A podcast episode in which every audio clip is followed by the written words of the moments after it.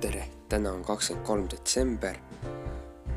homme on kakskümmend neli jõululaupäev ja ma räägin paar jõululugu. esimene lugu. kummitav puu. kummik või siis kummituslik puu. elasime vanematega väikeses majas, väikeses kodus mis oli umbes üheksakümmend aastat vana. aasta oli tuhat üheksasada üheksakümmend kuus.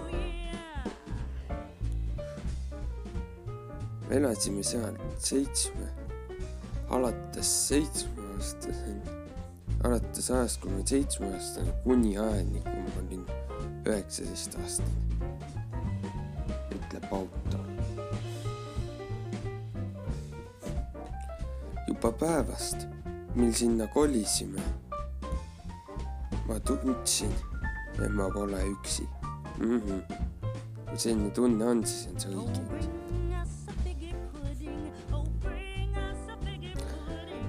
ühel aastal jõulude ajal lasin sõbral meie juures ööbida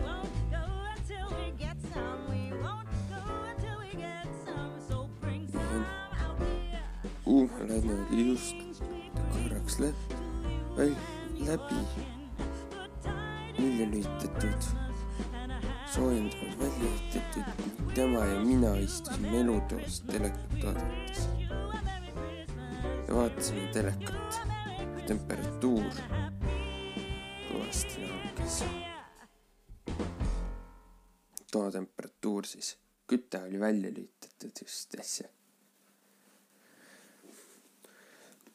kui ma tõstsin kütteseadmes seda sooj-, soojust,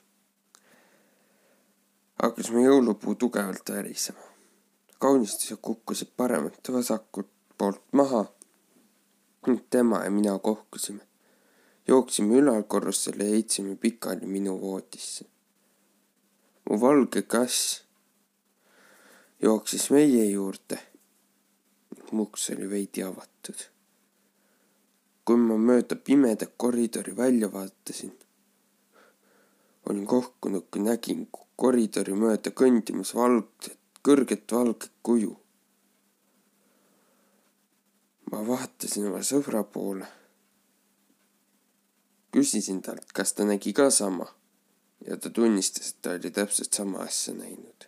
ta ei veetnud enam kunagi ööd minu juures. Caitlin Williams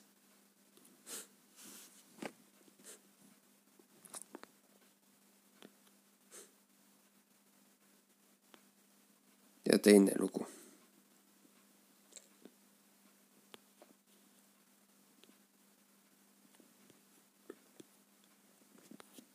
nii.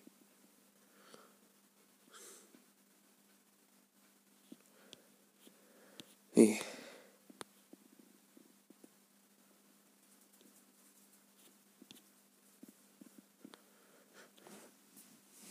järgmine lugu järgmise loo pealkirjaks on,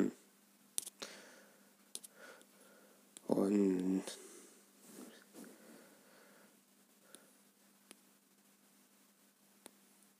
nii, aga siin ei olnudki pealkirja. figuur, vastuvõttev figuur. mu ema, kellele ma olen väga lahe, lähedane lahkus tuhat üheksasaja kuuekümne neljandal aastal, kui ma olin seitseteist, ütleb autor. autor on siis, autor on kirjutanud sellise loo. lahkusin sel aastal kodust ja kolisin Nova Scotiast Ontariosse. aastal tuhat üheksasada kuuskümmend üheksa kohtusin tüdrukuga, keda ma kutsun Kareniks ja me abiellusime tuhat üheksasaja seitsmekümnenda aasta märtsis tuhat üheksasaja seitsmekümne esimese aasta detsembris ootasime esimest last, elasime väikeses ühe po-, kuni ühe poole magamistoaga bangalus. elutoas oli kamin. mu naine ja mina armastasime kaminat ja lasime sellel iga õhtu põlema panna. oli jõululaupäev, tuhande üheksasaja seitsmekümne esimene aasta ja me olime just kingitused puu alla pannud ning kena tuli andis ilusa sära. valgus, okei okay. puu peal oli üks tuletala, mis pidi vilkuma. ja siis, kuid ta pidi mit- ja mitu päeva enne seal seisma. kell oli viis mi-, kellal oli viis minutit, oli südaööniku kamin ühte aega peaaegu kustus ja tuled, tuleke hakkas vilkuma ja teised tuled lakkasid vilkumast. Ah, need, mis ennem vilkus, need on vilkunud ja teised tuled hakkasid vilkuma. istusime abikaasaga põrandal ja toas oli ning toas oli muutunud väga jahedaks.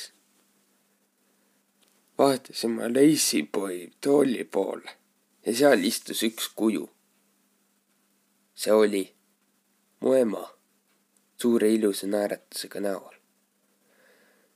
naine, kes polnud kunagi minu emaga kohtunud, ütles, et ta näeb sama asja. see kummitus ei rääkinud kunagi, vaid vaatas muudkui mind ja mu naist ning naeratas. kella kaheteist ajal süttis kaminas jälle tuli ning puu, jõulupuu tuled jõulupuu ning selle tuled lakkasid vilkumast. ja teised tuled hakkasid jälle uuesti vilkuma sama on, vaatasin toolil, toolile ja üle tooli, aga kummitus oli ehk jälle kadunud. ükskõik, mida ma nende jõulutuledega telgin, need ei vilksatanud enam kunagi